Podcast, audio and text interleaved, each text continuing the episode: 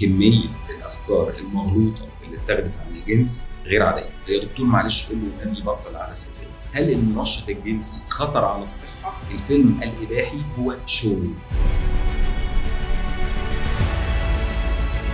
أهلا وسهلا بيكم. أنا هشام حبيب وإحنا هنا في ميديكا زون بودكاست. النهارده معانا دكتور أحمد عادل استشاري عقم الرجال والضعف الجنسي وأستاذ مساعد طب الذكورة بالقصر العيني. أهلا وسهلا بيك يا دكتور. ازيك يا هشام أهلا وسهلا. النهارده الحقيقة هندخل في مواضيع شائكة جدا بتخص الحقيقة كل زوجين. الحقيقة في إحصائية بتقول إن من 80 ل 90% من الزيجات اللي بتتم للأسف بالفشل في أول سنة جواز بتكون بسبب مشاكل الضعف الجنسي. فخلينا نخش كده سريعا في المواضيع بتاعتنا. بس قبل كده إحنا ممكن نتعرف على حضرتك في أسئلة سريعة كده عن طريق الحاجات اللي حضرتك بتحبها. يعني خلينا نقول مثلا إيه أكتر كتاب حضرتك بتحبه؟ أه ما أقدرش أقول إن أنا عندي كتاب معين بحبه لكن أقدر أقول إن أنا عندي ميل أكتر للكتب التاريخية. يعني كل ما يمس التاريخ بالنسبة لي ده شغف كبير. أه فنقدر نقول إن أكتر كتب بميل ليها هي كل ما يخص التاريخ. التاريخ عموما تاريخ مصر عظيم. تاريخ العالم التاريخ هو عموما حاجة تستهويني. ده شيء عظيم. طيب أفضل رياضة؟ أه ما أقدرش أقول لك إن أنا عندي رياضة مفضلة مثلا بتفرج عليها لكن أنا شخصيا بحب أمارس أه كل ما يتعلق بال fitness أه اللياقة البدنية. ما عنديش رياضة محببة قوي لكن ال fitness دي حاجة بقت أساسية في حياتي الحمد لله. مؤخرا يعني حلو قوي إيه أكتر حكمة مأثرة في حضرتك؟ لا تؤجل عمل يوم إلى الغد. أه من جد وجد دي حاجات أنا دايما بحترم جدا وبقدر جدا الناس اللي بتشتغل والناس اللي بتفكر. فلأن أنا عارف إن اللي بيشتغل وبيفكر أكيد في الآخر هيحصد نتيجة. فدي أكتر حاجات أنا بؤمن بيها كأحكام يعني. عظيم جدا. إيه أكتر هواية حضرتك بتحبها؟ يعني دايما هرد رد لما بيسالني السؤال ده بقول أكتر هواية بحبها هي إني أشتغل. يعني هوايتي هي شغلي. فالحمد لله ربنا كرمني من شغلي هو هوايتي الحمد لله. دكتور خلينا نسأل سؤال مهم جدا بيهم الشباب بشكل كبير جدا وهو سنة أولى جواز. دايما بتحصل المشاكل الجنسية في سنة أولى جواز. طيب إزاي يقدر الزوجين بالذات هم لسه في أول تجربة تمام ما يكونش سبق لحد فيهم الزواج قبل كده إزاي يقدروا يتعاملوا فيما يخص حياتهم الجنسية؟ إيه النصائح اللي حضرتك بتقولها لهم طيب هو خليني بس أعقب على الجمله اللي انت قلتها في الأول. أنت قلت إنك في أول سنة جواز في جزء كبير من العلاقات دي بتنتهي نتيجة الضعف الجنسي. أنا بس هعمل عليه تعديل. هو مش نتيجة الضعف الجنسي هو نتيجة ضعف الثقافة الجنسية. مظبوط. أوكي؟ إحنا عندنا يمكن مشكلة دلوقتي يا هشام إن إحنا حصل انفتاح كبير آه سواء عن طريق ال social media أو عن طريق الميديا عموما. كل واحد بقى في ايده موبايل. الموبايل ده ممكن نشوف عليه حاجات كويسة وحاجات مش كويسة. مشكلتنا الكبيرة اللي بنقابلها تقريبا دلوقتي بشكل شبه يومي إنه كمية الأفكار المغلوطة اللي اتاخدت عن الجنس غير عادية واللي بتدي انطباعات لا تمت للواقع بالصله يمكن أكتر المشاكل اللي بتحصل في أول الجواز جاية من الحتة دي إن كل واحد داخل العلاقة الجنسية وخليني أكون يعني أمين شوية في الكلام أكتر بالذات الرجال داخلة بانطباعات عن الجنس هي لا تمت للواقع بالصله كلها هم جابوها نتيجة الفرجة على أفلام إباحية أو معلومات مغلوطة من أصدقائهم و و لما يجي بقى يبدأ علاقة جنسية حقيقية مع زوجته بيكتشف إن ده غير اللي هو كان فاكره أو غير اللي هو اتعود عليه. مظبوط. ومن هنا بتيجي أغلب المشاكل. ويمكن خليني أقول لك برضو إن واحدة من أكتر المشاكل اللي بتقابلنا في أول سنة جواز وبتجيلنا كتير ضعف الرغبة الجنسية. آه. طيب هو في الحقيقة هو مش ضعف رغبة جنسية. يعني شكوى متكررة جدا بتجيلنا الاقي اتنين بقالهم شهرين ثلاثة متجوزين داخلين عليا. إيه شكوى حضرتك يا فندم؟ غالبا الراجل ما بيتكلمش قوي لأن هو رافض يعترف إن في مشكلة. وتلاقي إن الست هي اللي بتقول إحنا تقريبا معدل العلاقة بيننا من أول الجواز لا يتجاوز مرة كل أسبوع أو مرة كل أسبوعين لعرسان جداد. فلما تيجي تتكلم معاه تلاقيه إن هو في حضور الزوجة. آه لا أنا ما فيهاش حاجة أنا تمام أنا تمام. أنا طبعا بالخبرة من كتر الحاجات اللي شفناها المشابهة بقى أخلي الزوجه تستنانا شوية وأبدأ أتكلم معاه مع الزوج 99% إن ما كانش 100% المشكلة جاية من إن هو فوجئ بحاجة غير اللي كانت في دماغه. مم. ممكن يكون في كلام من الأصدقاء ممكن يكون مشاهدة أفلام بالظبط وإحنا دايما عندنا نقطة بنتكلم فيها يا جماعة ما ينفعش نفتكر إن اللي إحنا بنتفرج عليه طبعا واحدة من النصائح أنت سألتني إيه نصيحتك؟ ما تتفرجوش على أفلام مظبوط الأفلام الإباحية بتولد أفكار في الدماغ بتعمل مشكلة لما تيجي بقى شوف الواقع الفيلم الإباحي هو show show مش حاجة حقيقية لا تمس الواقع بصله فالمشكلة اللي بتقابلنا إن غالبا الراجل ده لما أقعد أتكلم أنا وهو بقى لوحدنا هو حضرتك كنت بتتفرج على افلام إباحية؟ يقول لك آه. بمعدل تقريبا شبه يومي. هل كنت تمارس عادة سرية؟ آه قد إيه؟ تقريبا بشكل يومي كل ده خلى ال mindset عنده في دماغه هو متوجه ناحية نمط معين من المتعة. طبعا ده. ملوش أي علاقة بقى لما يجي ينام مع مراته. فبيحصل له بلوك يبقى مثلا دي برضو حاجة شائعة جدا. تلاقي إنه عنده رغبة جنسية عنده رغبة جنسية لكن يفضل ورغم إن مراته نايمة جنبه إنه لأ يتفرج على فيلم اباحي ويستمني عشان هو اتعود على كده يتعود على. كده. خلى إن موطن المتعه عنده في دماغه بيجي له عن طريق هذا النمط. رغم إن كان معاه جنبه زوجه يقدر يمارس معاها الجنس ف 99% ما كانش 100% من المشاكل اللي بتظهر في أول سنة جواز واللي قد تنتهي بطلاق هو إن الطرف الطرفين ويمكن أكتر زي ما قلنا الرجالة داخلة بفكر مسبق لا يمت الواقع بالظبط. طبعا في مشاكل تانية زي ما أنت قلت كده في ضعف جنسي أحيانا لكن المشكلة الأكبر هي المشكلة أنا مش بسميها نفسيه هي مشكلة سلوكيه. نتجت عن سلوك خاطئ ادى إن الطرف ده داخل العلاقة بأفكار مغلوطة عملت المشكلة. وهنا ده بيودينا لسؤال آه، المواقع الإباحية. هنا المواقع الإباحية بيبقى لها دور كبير جدا في إفساد العلاقة ليها دور ملعون. ليها دور ملعون للأسف الشديد الناس مش قادرة تفهم خطورة الكلام ده إيه. طبعا غير الخطورة الأخلاقية طبعا دينيه دينية و طبعا و و ودي حاجات مفروغ منها ومش محل إن إحنا نتكلم في جدلياتها صحيح. مش جدال فيها يعني. لكن الناحيه بقى الطبية والسلوكية في بيوت بتتخرب. آه، من النقطة ديت. آه، في رجالة آه، افتكرت إن اللي بتتفرج عليه هو ده الطبيعي. وبالتالي لما بتشوف بقى الطرف اللي معاها لأ يبقى أنا كده مش عايز مش ده اللي أنا بشوفه أو مش ده اللي أنا بفضله. فكمية المشاكل اللي بتنتج من وراء هذه الافلام طبيا حتى أو سلوكيا أو كناحية اجتماعية غير الناحية الأخلاقية والدينية رهيبة جدا. وعشان كده يعني لازم يكون في طريقة لتقنينها أو مش تقنينها أنا آسف لتحجيمها لأنه ال- ال- الانفتاح الرهيب ده للأسف الشديد بيودي العلاقات الاجتماعية والزوجية لأبعاد مش لطيفه دكتور أنا شايف آه، الجزئية بتاعت التقنين دي بتبقى صعبة طبعا بالمنع يعني أنا ضد المنع في أي حاجة الحقيقة. بس هي صعبة بالمنع. بس أنا شايف إن الموانع لازم تكون داخلية. آه، زي ما حضرتك قلت إحنا عندنا آه، موانع دينية وأخلاقية طبعا يعني حتى الأديان كلها آه، بتنادي بده فده آه، شيء مفروغ منه. لكن كمان المانع الطبي سواء نفسي سواء زي ما حضرتك بتقول حتى سلوكي. ممكن يحصل آه سلوكي بالظبط. فده أنا شايف ده مانع مهم جدا. أنت بتفسد حياتك آه، الزوجية أو الجنسية فيما بعد. بتعود دماغك على نمط المتعة. هو لا يمت الواقع بصله فإحنا آه بنتكلم فيها من منظور ديني وأخلاقي لكن كمان بنحاول إن إحنا نعمل التقنين أو التحكيم ده. عن طريق إحنا بنتكلم كمان إن ليها أخطار طبية واجتماعية وسلوكيه. تمام يا دكتور. طيب دلوقتي آه، خلينا نتنقل للعادة السرية. العادة السرية في البعض بيمارسها قبل الزواج وحتى ده بالنسبة له عنده مبرر إن هو مش متزوج. وفي البعض آه، للأسف بيمارسها بعد الزواج. فحضرتك شايف الاثنين نقدر إن إحنا آه، نتعامل معاهم إزاي؟ واحدة من أشهر الأسئلة يا هشام اللي بتسال لنا آه، من الشباب لسه ما اتجوزوش لما يجوا يزورونا في المركز. فيقول لي آه، وغالبا بتيجي ممكن تبقى من والده أو والدته داخلين معاه آه، يا دكتور معلش قول له النبي يبطل عادة سرية. أو هو ممكن لو جاي لوحده يقول لي طب أنا بعمل عادة سرية. هو العادة السرية فعلا بتعمل ضعف جنسي. خلينا نتكلم كلام أمين.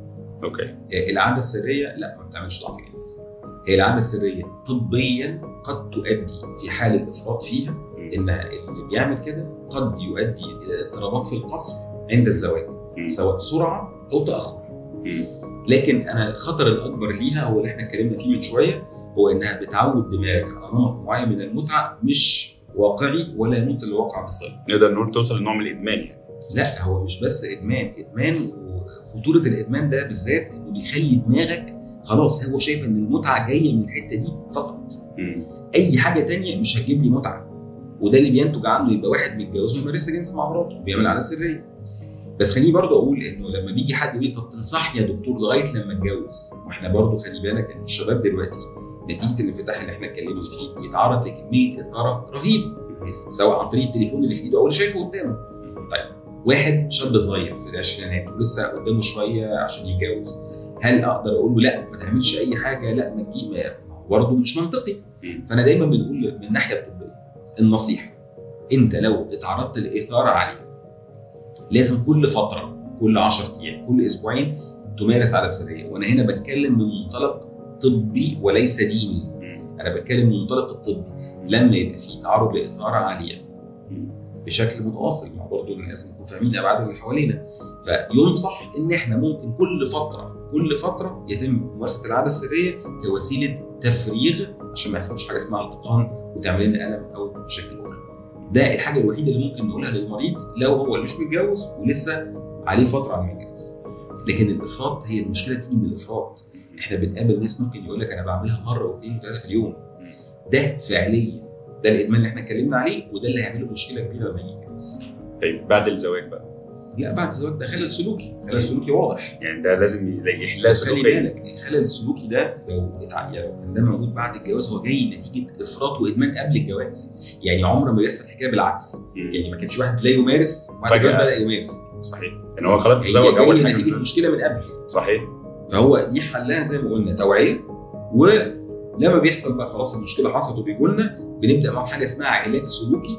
في خطوات كتيرة بنقعد نتكلم فيها مع المريض مع الطرفين كمان أحيانا لغاية لما يبدأ الدماغ اللي اتعودت على نمط المتعة ده تتحول للنمط الطبيعي والعادي تمام يا دكتور. طيب نرجع تاني لسنة أولى جواز. أول أسبوع أو أول شهر لو نقدر نقول يعني.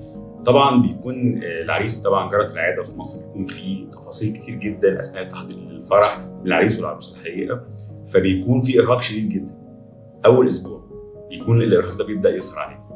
فبالتالي ممكن يأثر. لا هو أول أسبوع ده كتير قوي عشان أول يوم أول يومين. أول أسبوع ده كتير قوي المفروض خلاص هيريح بص هو أنا دايما لما يجي لي برضه بتحصل كتير جدا. يجي لي المريض يقول لي طيب أنا هتجوز كمان أسبوع أنا هتجوز كمان 10 أيام.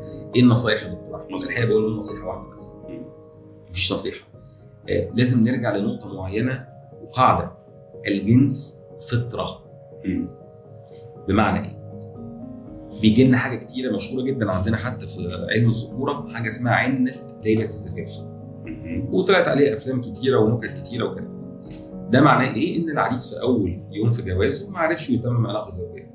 99% من هذه الأسباب هي نواحي نفسية. يعني مرهق مجهد بس مش ده المهم. هو الأهم إنه داخل خايف. في حاجة اسمها performance anxiety. يعني هو عنده قلق إنه خايف إنه يبقى أداؤه مش هو الأداء المطلوب خلي بالك برضو إحنا عندنا في مجتمعاتنا الشرقية فكرة إن العلاقة لازم تتم في أول يوم جواز ده الدخلة زي ما بنسميها دي حاجة أساسية قاعدة. طيب. فبالتالي لو ما تمتش في أول يوم دي مشكلة, مشكلة. والأهل يتدخلوا وروح يكشفوا وروح اعملوا وكلام من ده. ده كله بيحط عبء رهيب على الراجل. هل إحنا لسه عندنا النوع من آه الضغط؟ طبعا طبعا طبعا. حتى طبعا. لحد 2023 لسه عندنا النوع ده؟ طبعا. طبعا بشكل غير عادي بالذات بقى في الأرياف وفي الأقاليم. لكن عايز أقول لك وحتى في المدن نفس الكلام إن الموضوع بيتحول مع المريض إن دي مش حاجة بيعملها مع شخص بيحبه قد ما هي مهمة لازم تنفذ. في بعض الناس كتركيبة شخصية أو نفسية الموضوع ده بيحط عليهم حمل زيادة. إحنا حتى طبيا دايما بنقول إيه؟ آه الانتصاب أو الايركشن إذا باراسمباثيك عندنا جهازين عصبيين في الجسم. جهاز سمباثاوي وجهاز الباراسمباثاوي لا ممكن حضرتك بقى تشرح هنشرح هنشرح حتى بمثال بسيط. أوكي. آه، دايما بقول للمريض اللي بيجي لي بالمشكلة دي هل عمرك وأنت جوه لجنة امتحان وأنت في المدرسة ولا في الكلية ولا ولا يحصل لك انتصاب؟ أكيد لا طبعا. مستحيل. يعني بيكون متو- متوتر مستحيل. جدا. متوتر قلقان عايز تركز عايز تفكر. صحيح. في الحتة دي بيشتغل عندك حاجة اسمها الجهاز السمباثاوي تمام. ده بيطلع أدرينالين يخليك في أعلى درجات التركيز. عشان تعرف تريكول المعلومة وتعرف تكتب و و و. ربنا خالق إن اللي بيتحكم في الانتصاب هو الجهاز العكس الباراسمباثيك تمام فلو أنا داخل العملية الجنسية بمبدأ الاختبار أنا اللي شغال عندي بقى إيه؟ السمبثاوي السمباثاوي كده أنا بقيت شاطر طلع الأدرينالين مفيش انتصاب رغم إن هو. عضويا إيه؟ سليم. فمن هنا بتيجي المشكلة دايما كده نقول للمريض بتاعنا بص يا فندم الجنس متعة. مش امتحان مش اختبار صح؟ لو خدتها في إطار انه امتحان أنا باكد لك. فاشل. هتفشل. رجعه لاصله إن متعة وحاجة بنعملها وننبسط هتبقى زي الفل وما عندكش أي حاجة. فدي نقطة في غاية الأهمية. وعشان كده لما يجي لي مريض يقول لي نصيحتك إيه؟ ما تسمعش كلام صحابك. ما تاخدش الحباية اللي كل الناس هتديها لك يوم الفرح فبيروح معاها 7 8 9 10 حبايات. آه ما تاخدش حبايات ما تسمعش كلام. وهو أنا بديله المثال ده. لو أنا دخلت قط وقطه جوه أوضة وقفلت عليهم هيعرفوا يتزوجوا ولا لأ؟ أكيد حد قال لهم؟ لأ. فطرة. ربنا نفس الفكرة هو بالفطرة هتعرف تتمم الغلط لأ تسمع مني نصيحة ولا من غيري نصيحة ولا تاخد حاجة هو دايما النصيحة لو أنت قبل جوازك شعرت إن قد يكون هناك في مشكلة ودي بتيجي برضو مع حد متوتر حد قلقان اكشف كشف عادي مطمئن بيه بحيث تبقى داخل وانت مطمئن. لكن غير كده لا تسمع نصايح ولا أي حاجة الجنس فطرة هتعملها طالما أنت كويس ما عندكش مشكله دكتور ممكن لشاب آه، يكون آه، ما اتجوزش ممكن قبل ما يتجوز آه، يفتكر أو هو سواء يشعر بالشعور ده يطلع صحيح أو لأ إن هو عنده مشكلة فيبدا طبعاً. يتحرك؟ طبعا. بيعرف منين؟ ممكن حضرتك تقول لنا؟ آه طبعا. آه في علامات للضعف الجنسي دي ده سؤال مهم جدا إن إحنا مثلا أي راجل سليم عضويا هو بيجي له حاجة اسمها نوبات الانتصاب الصباحي. دي ربنا خالقها لتغذية أنسجة القضيب أي راجل في الدنيا بيحصل له أثناء نومه من أربع لخمس لست مرات انتصاب المدة تتراوح من ربع ساعة ل 20 دقيقة. مفترض إنه بيصحى على واحدة منهم. لو أنت لاحظت أن معدل حدوث الانتصاب الصباحي قل أو جودته قلت بمعنى الصلابة قلت أو لو أنت زي ما إحنا قلنا من شوية ممكن تكون بتمارس عاده سريه على فترات زي ما نصحنا على فترات. لقيت فيها إن الانتصاب قل اكشف. لأن دي علامات بتقول إنه في حاجة جدت. طيب لو كشفنا لا قدر الله في مشكلة خلاص لحقناها في الأول وحلها بسيط. مفيش مشكلة يبقى أنت اطمنت. ومفيش أي داعي بقى إنك تخش قلقان وخايف ومحول الموضوع لامتحان يؤدي إلى فشل. فدي أكبر علامة يعني. واحدة من العلامات المهمة جدا جدا. لكن مثلا في علامة تانية مشهورة جدا يقول لك إيه أنا حاسس كل ما أتجوز يقرب ان رغبتي بتقل. لا هو مش رغبتك بتقل. هو أنت خايف. يعني دايما حتى نقول المريض يجي يقول لك شكوتي إيه ضعف رغبة. هي مش ضعف رغبة هي خوف من الفشل. أنت ترجمته إن هو ضعف رغبة لكن اكشلي هو مش ضعف رغبة. هو أنت خايف من من الفشل فبتتجنب. بتحصل كتير جدا مع المرضى اللي عندهم ضعف جنسي بقاله فترة كبيرة. يعني متجوز بقاله سنين وكان زي- زي الفل ما عندوش أي حاجة. وبعد فترة حصل له المشكلة وما عالجهاش. فمع مع الوقت هو بيمر. خلاص هو الموضوع بقى بالنسبة له امتحان فبيتجنبه تماما. فهو مترجمه إن هو ضعف رغبه يعني مش ضعف رغبه هو أنت خايف تق- تقدم على العملية. فتفشل وتتجنب. أنا هاخد من كلام حضرتك لما حضرتك قلت لي الشاب أو زميله ممكن يديله الحباية المنشطات مشكلة كبيرة. آه المنشطات آه، وإمتى الواحد معلش بس طبعا. مش بس صديق. إحنا عندنا مشكلة كبيرة مع الإخوة الصيادلة. آه. بيجامل. الإخوة الصيادله لا لا لا اللي هو لا لا لا خد دي. فياخدها ويرجع له. لا خلاص خد دي. فياخدها ويرجع له. طب خلاص جرب دي. لما يجرب معاك كل تقريبا الشلفات اللي على الصيدلية يقول طب خلاص بقى روح اكشف عند الدكتور. بعد ما يكون الراجل ده نفسيا تقريبا اتدمر يعني. طبعا مش كل الصيادلة طبعا عشان ما يزعلوش مننا. أغلبهم يا أغلبهم. طيب خطورة بقى إن واحد ياخد منشطات من دماغه. وامتى ياخد منشطات وهل في أنواع ممكن يدخل الصيدليه زي ما حضرتك بتقول كده ويطلب هو كأنه بيطلب أي حاجة زي زي ال- ال- الواقي أو كده ويخرج ويتصرف من دماغه يعني. طيب بص يا شباب إحنا عندنا مشكلة كبيرة. هو هل آه، خليني برضه أقول أرد على النقطة دي لانها نقطه تثار كثيرا هل المنشط الجنسي خطر على الصحة؟ الإجابة قولا واحدا لا. غير في حالة واحدة فقط. لو أنت مريض قلب ومش بس مريض قلب وبتاخد دواء معين من أدوية القلب في حاجة اسمها مركب النيترات كويس؟ اذروايز غير كده أنت تقدر تاخد أي منشط من غير ما تخاف على صحتك خالص. الله طب ما الدنيا حلوة أهي. طب ما ناخد بقى كلنا منشطات. بالظبط. لا هي دي بقى الخطورة. هنا بقى الخطورة. الخطورة مش خطورة على على على صحتك.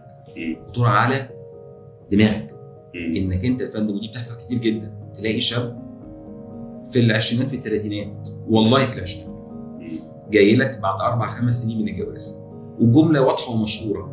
بص يا دكتور أنا من يوم ما اتجوزت ما جمعتش غير بالحبايه هو خلاص بقيت عنده برضه عارف فحصل له حاجة اسمها ديبندنسي اعتمادية رهيبة على الحبايه تيجي تعملوا تقييم لوضعه تعملوا فحوصات تعملوا الأشعة بتاعته. سليم.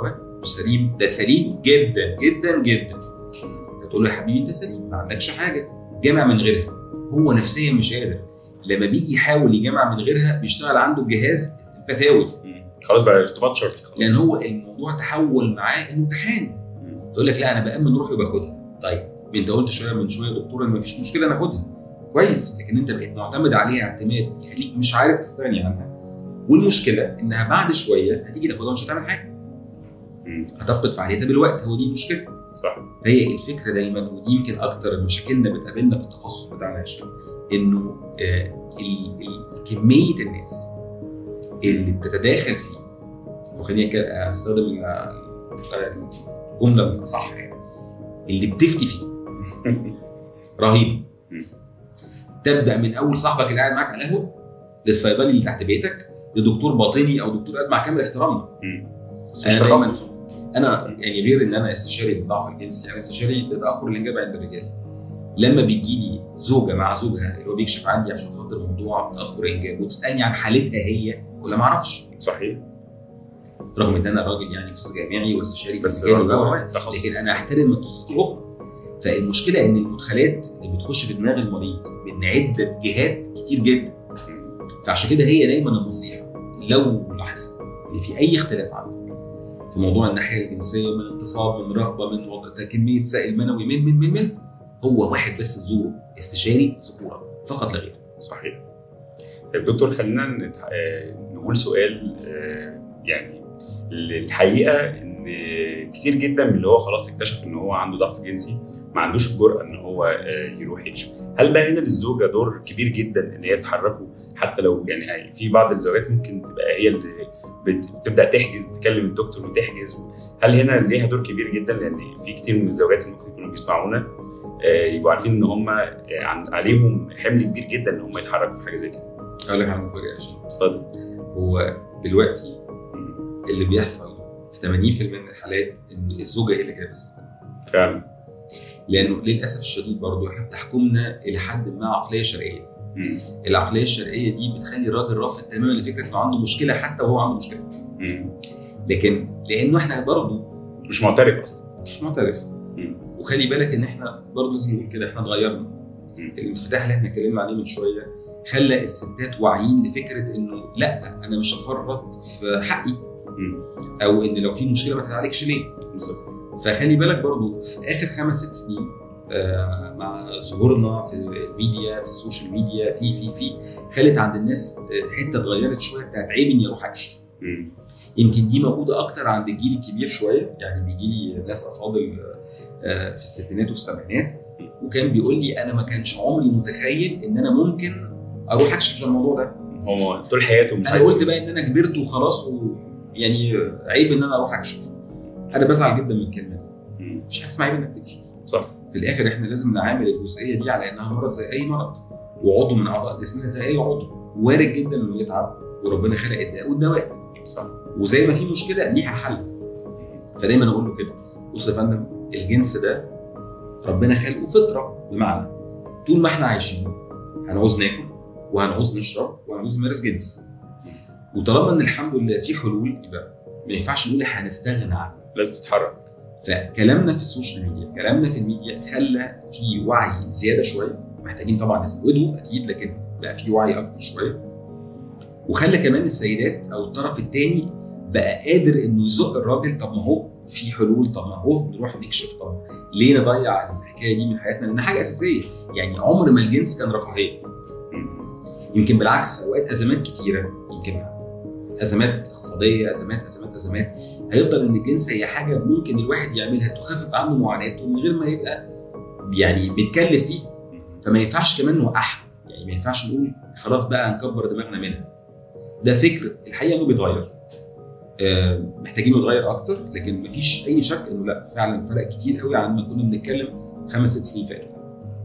آه، دكتور أنا عارف ممكن يكون السؤال يبدو إن هو آه، يعني غريب شوية بس ممكن البعض يكون آه، بيظن يعني إن آه، مش قادر يفرق ما بين إن هو آه، عنده القدرة على الإنجاب أو بيخلف وإن في مشكلة جنسية. يعني في ناس كده بتخلف بس عندها مشكلة جنسية أو العكس في حد ما عندوش مشكلة جنسية خالص بس آه، مش قادر يخلف أو عنده مشكلة على الانجاب يعني دايما بتفرقش. الجملة المشهورة اللي يجي لي حد عنده ضعف جنس فيقول لي دكتور أحمد بس أنا مخلف سبعة. فدي مالهاش علاقة. يعني خلف سبعة براحتك. ده حاجة وده حاجة. آه، فلا مفيش أي علاقة بين الاثنين أنت ممكن يبقى مريض قادر جدا جدا جدا جنسيا لأن العكس كمان بيتقال. لي بس يا دكتور يعني جاي لي في مشكلة إنجاب. بس يقول لي أنا في العلاقة كويس جدا. وانت ممكن في العلاقه كويس جدا لكن كنشاط خصي فيه مشكلة. والعكس أنت ممكن تقعد فترة من حياتك زي الفل وما عندكش مشكلة وتخلف مرة واثنين وثلاثه لكن بعد شوية عندنا مشكلة فلا مفيش أي ارتباط.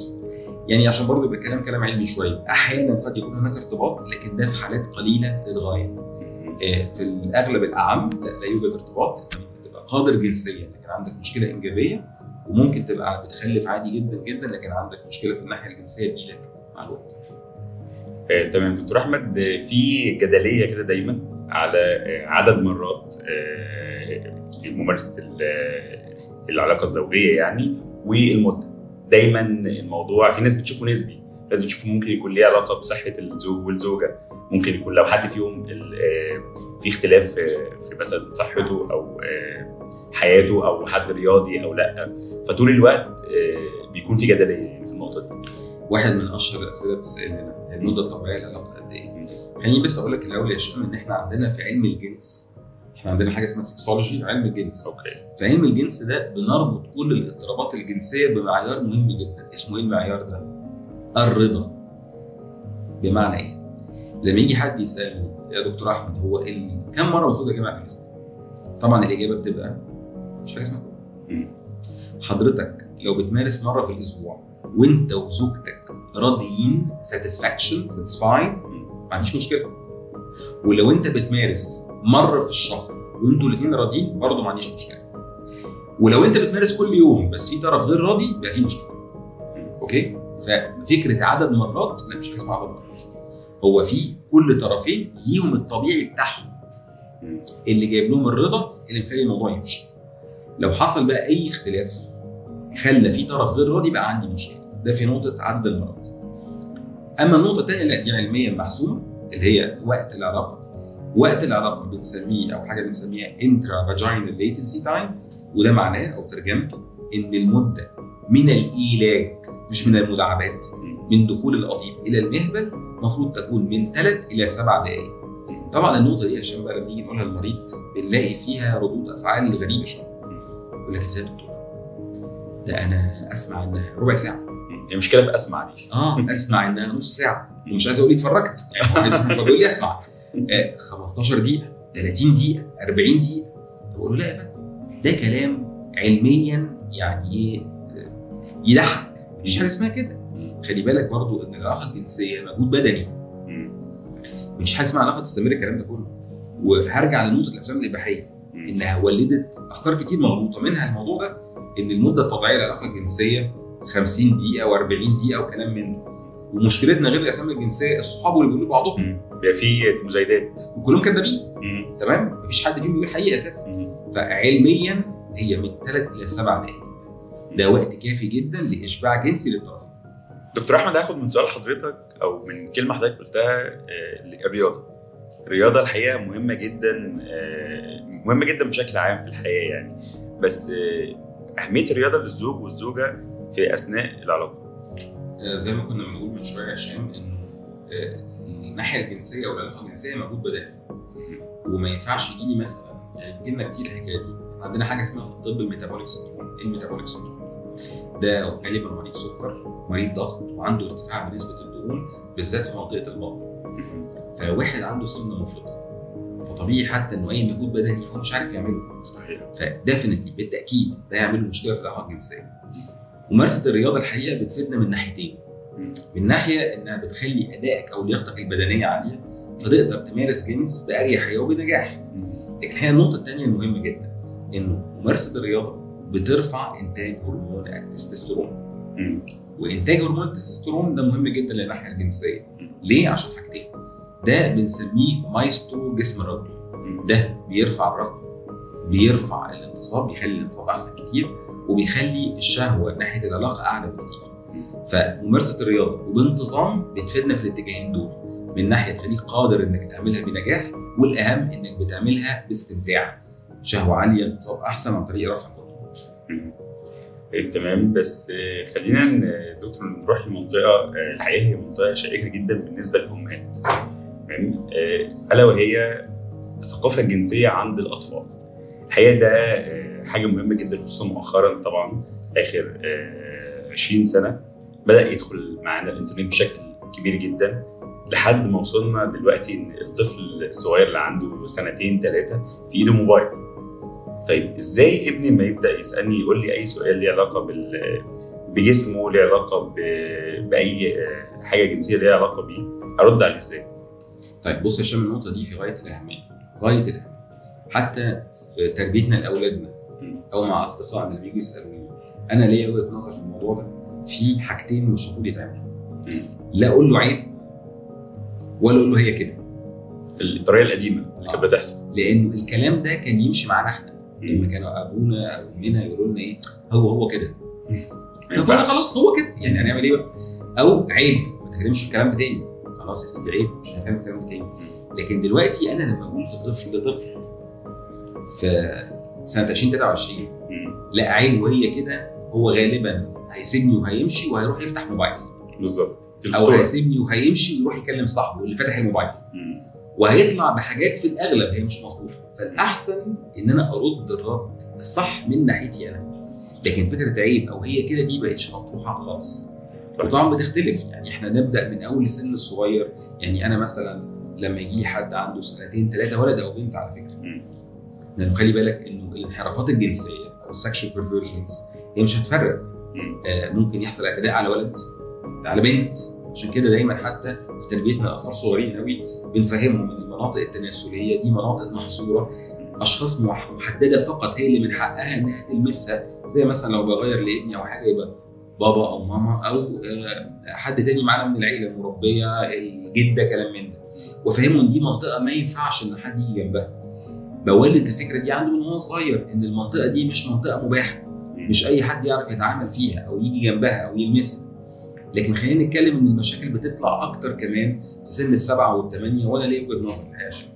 إنه اللي عندهم سبع ثمان سنين دلوقتي هم بالظبط في نفس عقلية اللي كان عندهم 18 سنة من 20 سنة. صحيح تطور.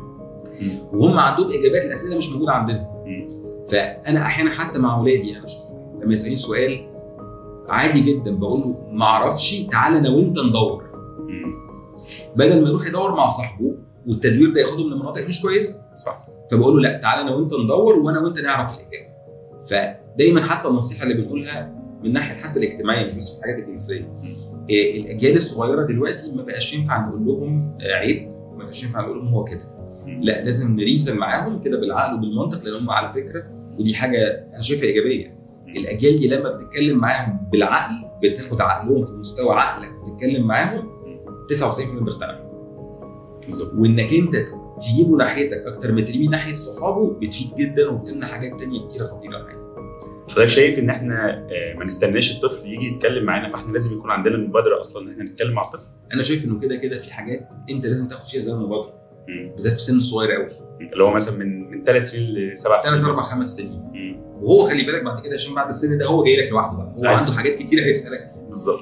أهم نقطة بقى لما يجي يسألك إنك ما تصدوش. أو ما تقولش هو كده.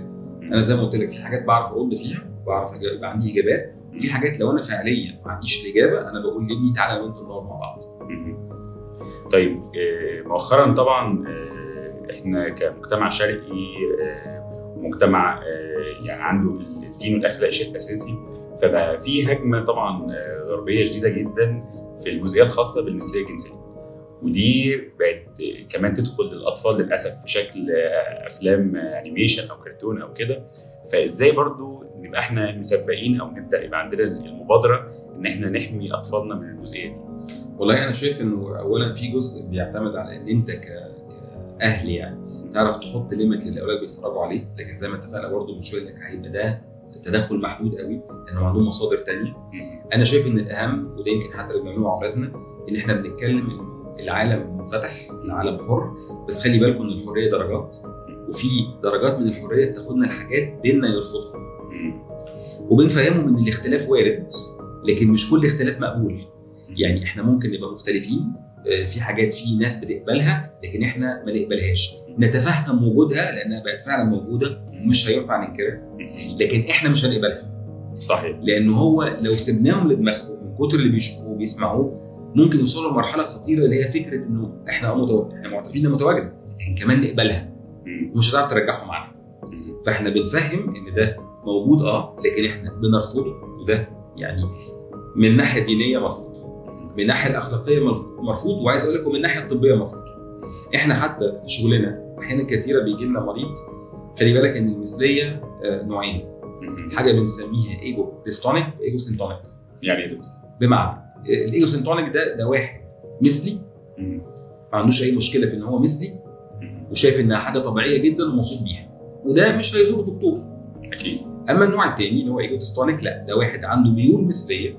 لكنه داخليا رافضها آه من وازع ديني من وازع اجتماعي أخلاقي عنده فلاتر فعلا آه مم. هو مانع نفسه رغم إن هو مايل ليها لكنه مانع روحه وده غالبا اللي بيزور دكتور. وبرضه دي فرصة نوضح إن إحنا دورنا كأمراض ذكورة في النقطة دي هو دور بكل أمانة محدود بمعنى إيه؟ إنه أحيانا كثيرا مريض بيفتكر إنه قد يكون هناك خلل هرموني ولو صلحناه الأمور تتظبط. ده كلام قد يكون صحيح لكن في حالات قليلة جدا جدا جدا جدا. طب هل ده معناه إن الناس اللي هي عندها الرغبة في إنها ترجع للطريق الصح تاني وإنها تمارس جنس طبيعي ده ما عندهمش أمل؟ لا طبعا في أمل لكن ده عن طريق حاجة اسمها علاج سلوكي وده بيساعدنا فيه كتير جدا زمايلنا في الطب النفسي لكنه مش علاج نفسي عشان دي برضه نقطة مهمة جدا سلوكي لأنه أحيانا المريض يقول لك لا هو أنا مش عايز أتعالج نفسيا. لا هو مش علاج نفسي هو علاج سلوكي بيقوم بيه ناس على خبرة عالية جدا وعندنا في مصر منهم كتير وأنا شخصيا في الفريق بتاعي في اثنين من أحسن الناس كمان في موضوع العلاج السلوكي ده وبيجيبوا نتائج هايلة جدا جدا جدا طالما المريض عنده الإرادة إنه عايز يرجع للطريق الطبيعي اللي خلق ربنا عليه فطرة البشر كلهم آه، وهنا نقدر نقول إن دور ال- الأهل مهم جدا آه، في متابعة الأطفال آه، ومتابعة سلوكهم الجنسي عشان ما يتعرضوش لأي مشكلة يعني. إحنا عندنا حاجة مهمة اسمها ال sexual orientation أو التكييف الجنسي يعني. فكرة إن إحنا لازم نكون من الأول فاهمين أو مفهمين أولادنا إن هو الطبيعي راجل وست. إن يبقى ال sexual orientation بتاعهم من وهم صغيرين فاهمين الطبيعي هم فاهمين إن الطبيعي يبقى فيه راجل وست.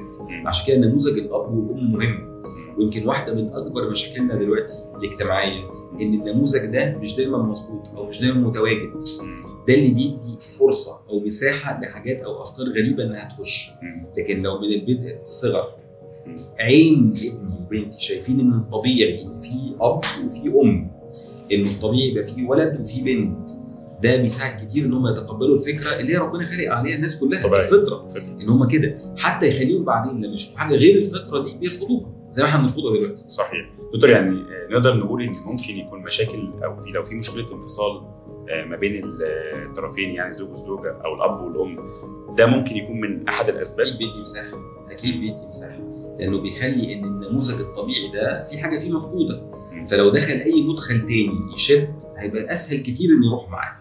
لكن فكرة إن أنا يبقى عندي النموذج الواضح بتاع أب وأم وراجل وامرأة وأسرة مكونة من راجل وست وعندهم أولاد ده بقى مهم جدا. لأن خلي بالك دلوقتي عشان بره النموذج ده بقى مقصود.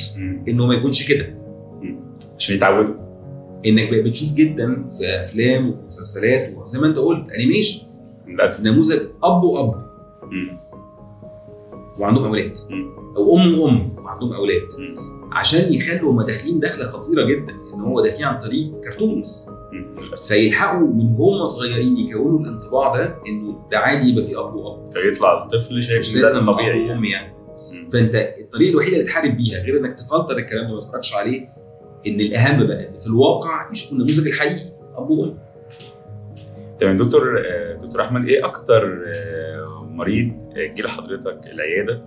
آه، أو إيه أغرب موقف يعني جه من مريض؟ يعني حضرتك كنت شايف الموقف ده غريب جدا بالنسبة لك؟ لا والحقيقة المشكلة يا هشام ان المواقف الغريبة اللي عندنا ما ينفعش إن إحنا نحكيها قوي بس يعني هو أنا أكتر حاجة يمكن بلاحظها إنه إحنا عندنا شوية مفاهيم مغلوطة. يعني أحيانا يجي المريض زي ما قلنا من شوية يجي يقول لك أنا عندي عندي سرعة قصف انت عارف انه أكتر مرض أو اضطراب جنسي في العالم كله هو سرعة القصف.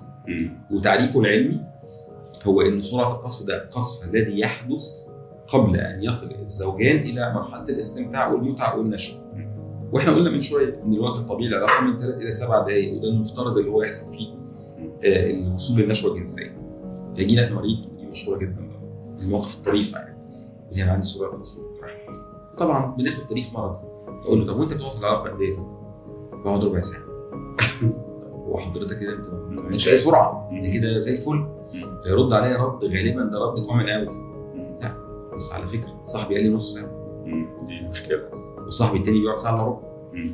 طبعا زي ما قلت لك إحنا المشكلة كمية المدخلات الغلط اللي بنديها لروحنا. وبنتفرج عليها بتولد انطباعات يعني راجل جاي يكشف. وشايف إن عنده مشكلة رغم إن هو واقعيا مع مراته مفيش مشكلة هو افتكر ان عنده مشكلة إمتى؟ لما صاحبه قال له أنا بقعد أطول منك. فهو داخل في المقارنة طب حضرتك اشتكيت قبل كده؟ لا ما اشتكيتش طب الزوجة اشتكت؟ يعني إحنا اتفقنا إن المعيار الأهم معيار الرضا صحيح طب في حد فيكم زعلان؟ لا إحنا مش زعلانين ما صاحبك اللي زعلان يعني فين المشكلة؟ فهو جاي يكشف على مشكلة مش موجودة. دي من أكتر الحاجات اللي بنقابلها وبتبقى يعني طريفة لكن برضه الحقيقة بيبقى الواحد زعلان منها شوية بتزعل حقيقي طيب هل إحنا قلنا إن عدد المرات دي دي ليها علاقة زي ما حضرتك قلت ساتسفيكيشن أو بالرضا يعني؟ Satisfaction الاتنين. طبعا. طيب دلوقتي لما يكون في آه، طرف ممكن نسبيا يكون شايف إن هو طبيعي وليكن مثلا مثلا آه، بي- بيقدر إن هو آه، كل يوم يبقى في علاقة مثلا بس الطرف الثاني شايف إن ده قليل أو العكس الطرف الثاني شايف إن ده أكتر. فهنا في طرف آه، عنده مشكلة. فهنا نقدر نحسبها إزاي؟ خصوصا ان الموضوع ممكن يكون نسبي. بتحصل كتير الحكاية دي. يعني أنا من على ذكرك لموضوع الحالات اللي ممكن الواحد يكون شافها وشايفها إنها ضعيفه أنا جالي آه، زوجان لسه في أول حياتهم الزوجية. وبعدين وهرجع نرجع فيها لنفس النقطة هقولها لك دلوقتي. إنه الزوجة بتشتكي إن معدل العلاقة الزوجية قليل. مم. فأنا افتكرتها دي شكوى شائعة زي ما كنا كنا في الأول خالص إنه فعلا نتيجة أفلام إباحية ما بيمارسش معاها. فكنت بسأل الزوج طب أنت بتمارس آه، قد إيه؟ فبيقول لي أنا كنت في أول شهر مرتين ثلاثة في اليوم. ومع الوقت بقينا مرة في اليوم. فأنا بقول فأنا افتكرت الراجل معاه ممكن يكونش بيقول الحقيقة. فسألت الزوجه هو ده صحيح؟ قالت لي آه صحيح. طب ده معدل طبيعي جدا يا فندم. قالت لي لا بس أنا سمعت من صاحبتي. هي نفس الفكرة. الطرف الثاني فدي بقى حلها إيه زي ما أنت كنت بتسأل دلوقتي؟ لا حلها إن أنا بفهمها صح إيه لا بص يا فندم هو مفيش حاجة اسمها كده. ما تقارنيش بصاحبتك. وغالبا صاحبتك بتكذب زي ما صاحبه بيكذب. بالظبط هو حضرتك في حاجة اسمها إن أنتوا الاثنين تبقوا مبسوطين. طالما إنه بيحصل معدل مرضي ليكوا أنتوا الاثنين لا ليك دعوة بصاحبك ولا بصاحبتك. هو كل اثنين ليهم الطبيعي بتاعهم هم. فالفكرة بقى لما يجي لنا مفاهيم مغلوطه زي كده حلها إن إحنا نفهمهم إن علميا الكلام ده مش صحيح وإن طالما أنتوا الاثنين راضيين كده مفيش مشكلة. تمام آه، دكتور أحمد أنا بشكر حضرتك جدا. يعني الحقيقة الوقت عدى بسرعة جدا مع حضرتك آه، استفدنا جدا من حضرتك ونتمنى إن كل المستمعين يستفيدوا إن شاء الله إن شاء الله. آه، الحقيقة إحنا لازم حضرتك توعدنا إن حضرتك تكون موجود معانا تاني أكتر من مرة. هي لسه في أسئلة كتير ولسه في تفاصيل كتير محتاجين نعرفها من حضرتك. آه، الدكتور أحمد عادل استشاري أمراض الذكورة والعقم والضعف الجنسي. بشكر جدا حضرتك شكرا لحضرتك.